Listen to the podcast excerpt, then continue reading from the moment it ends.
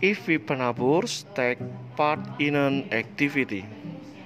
Or it can also be called participation in an activity. Or active, proactive participation in an activity. Thank you.